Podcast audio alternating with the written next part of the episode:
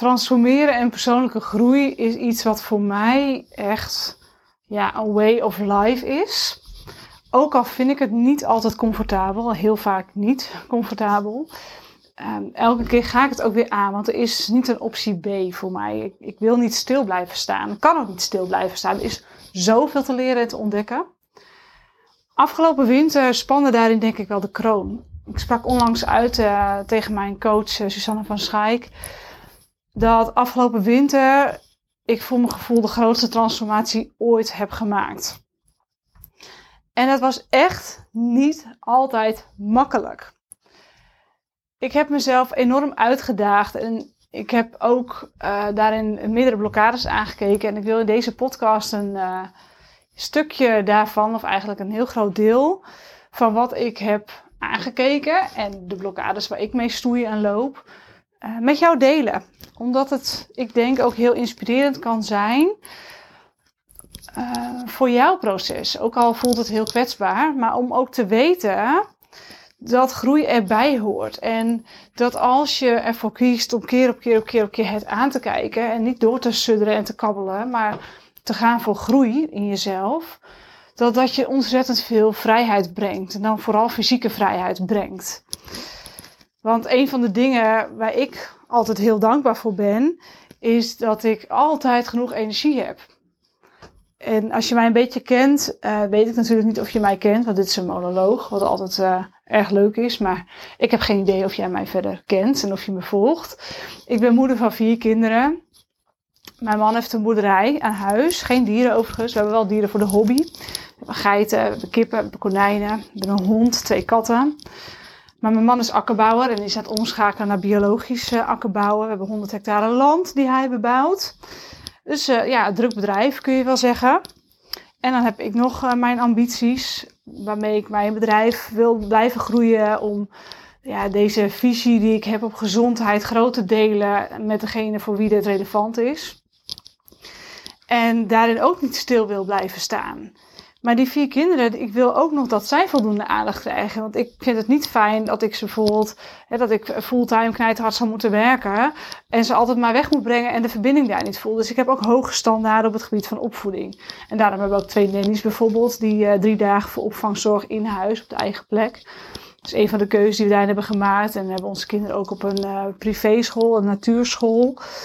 Uh, ja, ook zo'n keuze die daar heel erg bij past. Maar ik wil maar zeggen ik heb veel op mijn bordje, maar het voelt tegelijkertijd behoorlijk moeiteloos.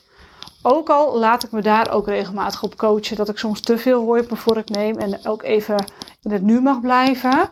Wat een van de processen ook is geweest van afgelopen winter overigens, dus daar kan ik zo even verder over uitweiden. Maar dat is ook een van de dingen ja, waar ik dan wel eens tegenaan loop, maar over het algemeen hou ik al die ballen moeiteloos hoog. En dat komt omdat ik ruim voldoende energie heb. Ik ben nooit moe. Nou, dat is niet waar. Ik ben bijna nooit moe. Ik ben natuurlijk geen superwoman. Ik heb ook wel eens dat ik s'avonds denk van zo. Nou, nu ga ik lekker op de bank liggen en uh, ik ben even klaar mee. Maar dat, dat zijn incidenten. Dat is geen structureel iets. Omdat ik zo ontzettend veel vervulling haal uit mijn werk. Uit het werken met mijn klanten. En uit alles wat ik aan het doen ben binnen mijn bedrijf en de grootste plannen die ik haal, maar ook uit het moederschap, omdat ik een hele goede balans heb gevonden tussen de aantal uren dat ik uh, per week fulltime moeder wil zijn, zeg maar, volledig er wil zijn en de momenten waarop ik zeg van nou nu heb ik even tijd nodig voor mezelf om mijn eigen ambities na te streven. Dat allemaal, al die keuzes die ik in het verleden heb gemaakt, hebben zich nu gemanifesteerd tot een nou, bijna ideaal leven voor mij. En ik zeg bijna, want ik denk daarin dat je nooit echt helemaal klaar bent. En ook steeds weer andere verlangens en ambities en standaarden wil ontwikkelen om daarin ja, steeds te fine-tunen. Je kunt ook niet uh, altijd in de toekomst kijken. Dus ja, het energie, dat is altijd wel datgene geweest waardoor ik het steeds ook aan kon gaan. Maar wat is afgelopen winter allemaal gebeurd? Nou, het begon, uh, ik heb dat altijd trouwens wel, misschien herken je dat wel, dat de wintertijd altijd al een, uh, vanaf de herfst, winter, een beetje zo'n binnenkeerperiode is. Je gaat toch een beetje mee met het seizoen, meer naar binnen, kaarsjes aan, gezellig knus. Maar dat het ook een energetisch naar binnenkeren is. En dat, uh, ja, dat merkte ik heel erg afgelopen winter meer dan anders. Um, maar ik ben het ook heel bewust aangegaan. Want ik voelde, ik ga alles op alles zetten om mee te gaan in de flow van ja, wat zich ook maar aandient. En ik ga het commitment geven om daarin mee te gaan. Om eigenlijk al afgelopen zomer, toen ik ja zei tegen Susanne van Schaik, haar traject Real Deal. Ja, wat ik niet echt een, uh, een eitje vond om die investering te maken, want de investering is, uh, is hoog. Uh, zelfs met de goede omzetten die ik toen al draaide, was dat voor mij echt een stretch. Maar dat is ook goed en ik vind Susanne een enorm goede coach. Maar soms is ze er ook niet. En dat was voor mij nieuw, omdat ik tot nu toe ook wel veel coaching was gewend, waarbij ja, er toch wel veel gepamperd werd. Veel, um, ja, wat kan ik zeggen? Hoe kan ik dat nou zeggen? Veel meegepraat werd in wat ze dachten dat ik zei dat dat dan klopte, zeg maar. Dus ik heb wel eens van die verhalen in mijn hoofd, nou die heb jij vast ook. Um, en dat ik best wel veel coaching ook had, waarbij die verhalen soort van bevestigd werden, waardoor ik daar comfortabel in bleef zitten. En Susanne van Schaik die heeft me daar niet mee weg laten komen. Waardoor ik echt op een gegeven moment in een soort van periode kwam dat ik dacht, ja, wat, wat ben ik nou eigenlijk aan het doen? En waarom doe ik dit eigenlijk allemaal? En ik, ik lijk wel gek ook. En nou ja, keer op keer ook twijfelen aan mezelf. Dus het imposter syndrome, dat, uh, dat is behoorlijk teruggekomen deze winter. Werd ook wel eens gespiegeld. Uh, ik heb bijvoorbeeld een klant gehad die uh, wilde drie keer stoppen. Om maar eventjes door te gaan op een stukje kwetsbaarheid. Loopt ook niet bij mij, altijd vlekkeloos. En elke keer ben ik dat gesprek ook ingegaan dat ze wilde stoppen ja, vanuit onthechting. Van ik vind het oké als je stopt. Um, en tegelijkertijd ook daarin de coach geweest om ja, te zeggen wat ik zag aan patronen. Dat, dat wegvluchten van dat dat confronterend is. Want ja, ik liet, mij, ik liet haar op mijn beurt niet wegkomen met bepaalde verhalen. Um, om dat ook te zeggen. En om daar ook uh, stevig in te blijven en zuiver in te blijven. Wat zo belangrijk is. Geen projectie van jezelf als coach. Daar ben ik denk ik heel erg in gegroeid deze winter. Uh, maar vooral heel erg kunnen kijken naar wat heeft de ander nodig en loskomen van je eigen issues daarin. En dat is eigenlijk de kern van mijn transformatie geweest deze winter. Dat ik echt heel erg heb geleerd mezelf los te koppelen van wat de ander nodig heeft. Bewijsdrang is iets wat bij mij al die jaren in het ondernemerschap heel erg terugkwam. Bewijsdrang was een thema waar ik heel erg mee heb gestruggeld al die tijd. En dat lekte door in mijn content, dat lekte door in mijn gesprekken. Ik wilde heel graag ook bevestiging van klanten hebben. Vind je mij wel goed? En ben je wel blij? En dat ook ja, proberen uh, te voelen en terug te krijgen. En nu heb ik dat dus niet meer. En daarvoor heb ik echt mezelf heel erg moeten aankijken in waarom, waarom heb ik dan die bewijsdrang? En waarom wil ik dan zo graag zoveel erkenning? Want ik wist heus wel dat dat niet dienend was. Mijn klant wordt daar niet beter van als ik mezelf probeer te bewijzen bij mijn klant. Dus ja, ik moest dat wel aankijken. En toen kwam ik erachter dat ik in mijn kindertijd ja, heel weinig bevestiging heb gehad op wie ik was. En dat ik dat ook mocht zijn, dat het goed was. Sterker nog, ik heb vooral heel veel bevestiging gehad dat ik niet goed was zoals ik was. Mijn gedrag was niet goed. Mijn houding was niet goed. Mijn lichtgierigheid was soms te snel. Weet je, alles te, te, te.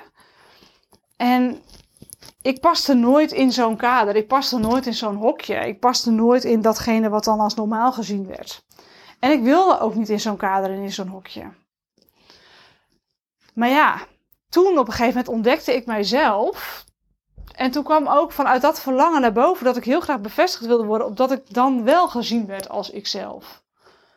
Dus dat ik wel gezien werd voor wie ik was. En dat ik loskwam van die banden van ik ben anders en ik ben vreemd. Zoals ik mezelf zag op dat moment nog. Dat was ergens begin twintig.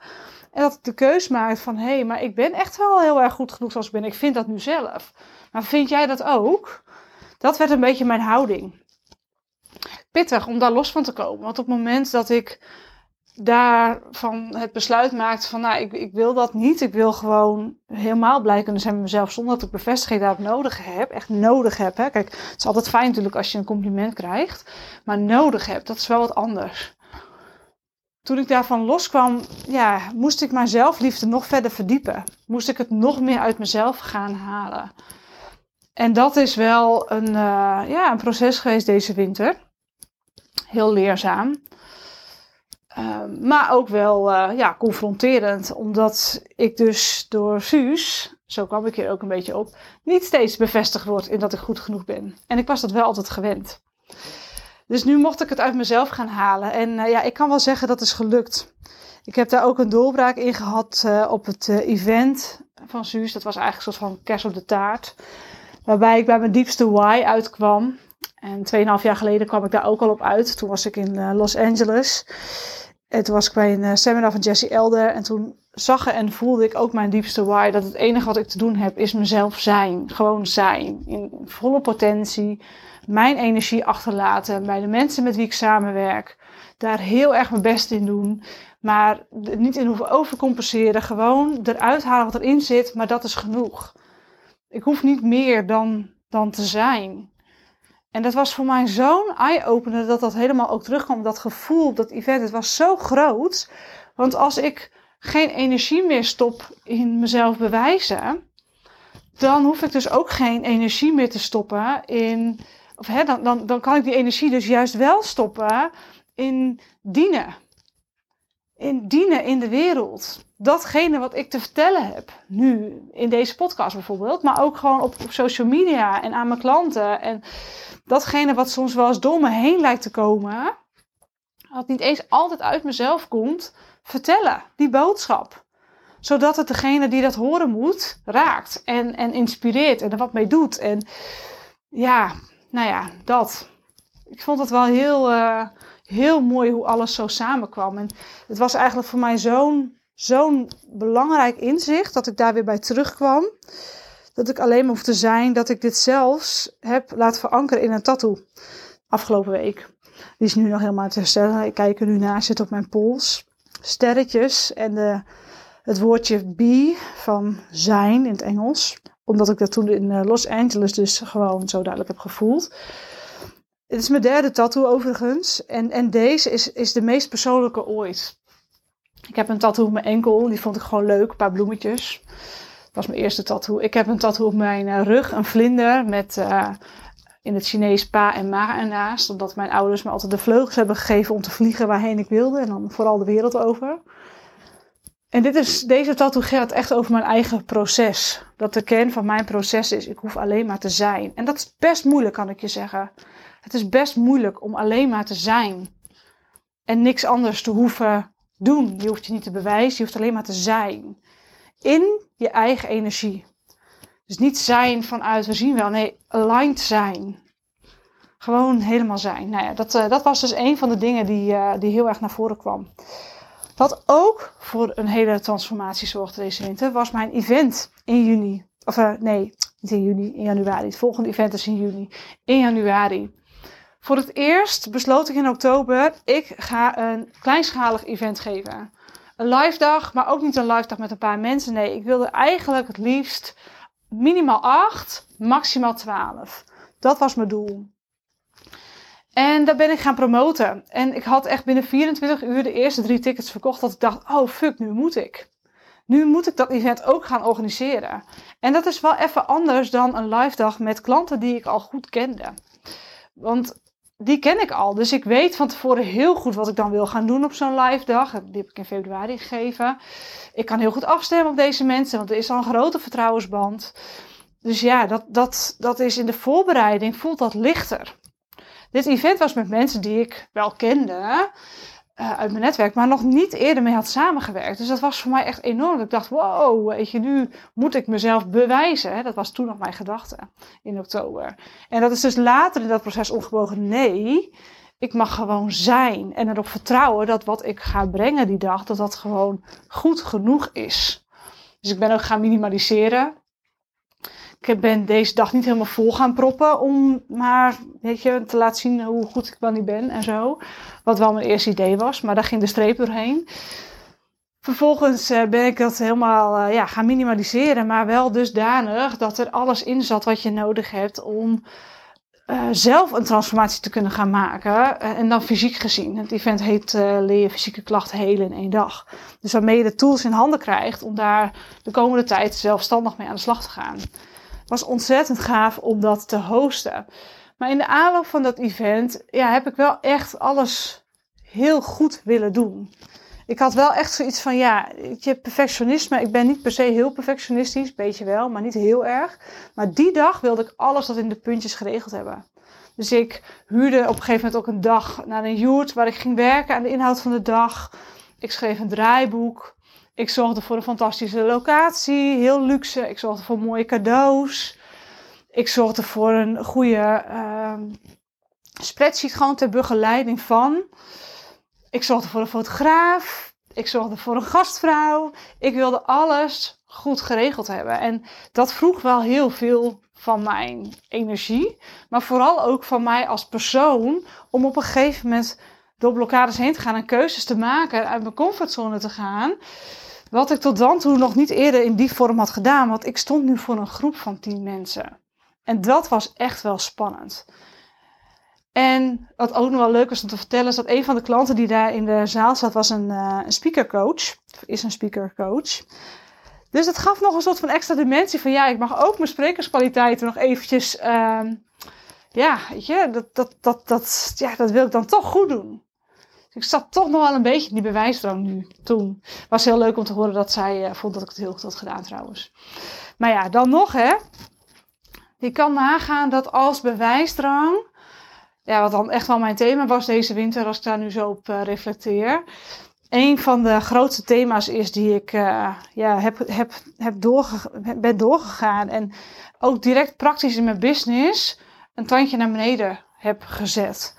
Dus op het moment dat die klant aan de bel trok van ja, ik wil stoppen en ik denk dat jij mij niet uh, kunt helpen, ben ik met haar in gesprek gegaan. En toen bleek dat ze eigenlijk helemaal niet wilde stoppen, maar dat ze het gewoon super oncomfortabel vond om geconfronteerd te worden met haar eigen patronen, die eigenlijk al jarenlang haar leven hadden bepaald.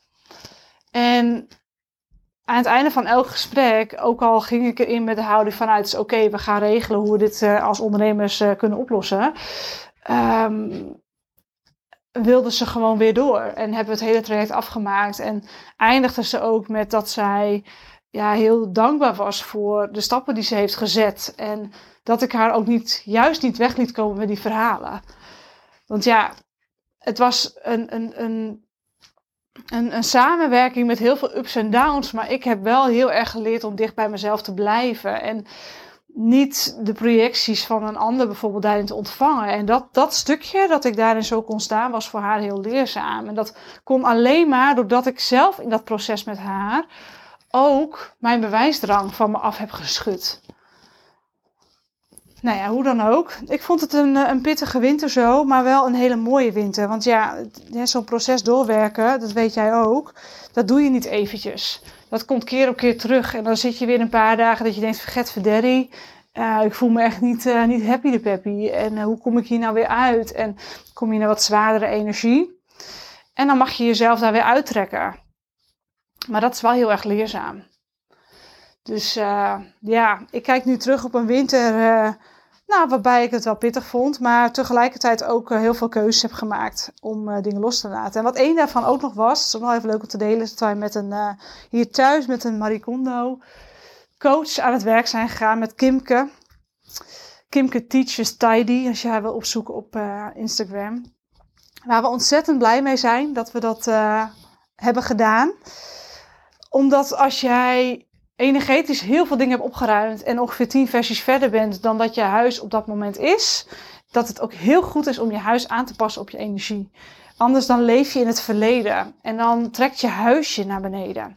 Vond ik ook echt een, uh, ja, dat gevoel had ik al langere tijd, maar dat we daarmee aan de slag gingen, was dat ook weer een emotioneel proces. Want je krijgt wel alles in handen wat je ooit hebt gekocht vanuit een andere versie van jezelf. Maar ook dingen die ik wel eens heb gekocht vanuit ja, teleurstelling of, of niet gelukkig zijn of een bepaalde schaarste ervaren. Dat je jezelf dan gelukkig probeert te maken met uh, een of ander prolaria dingetje. Dat ik dan nu in handen kreeg dat ik dacht van ja, hmm, nou ja, is ook echt heel zonde van het milieu. En dan komt er weer schuldgevoel naar voren en zo.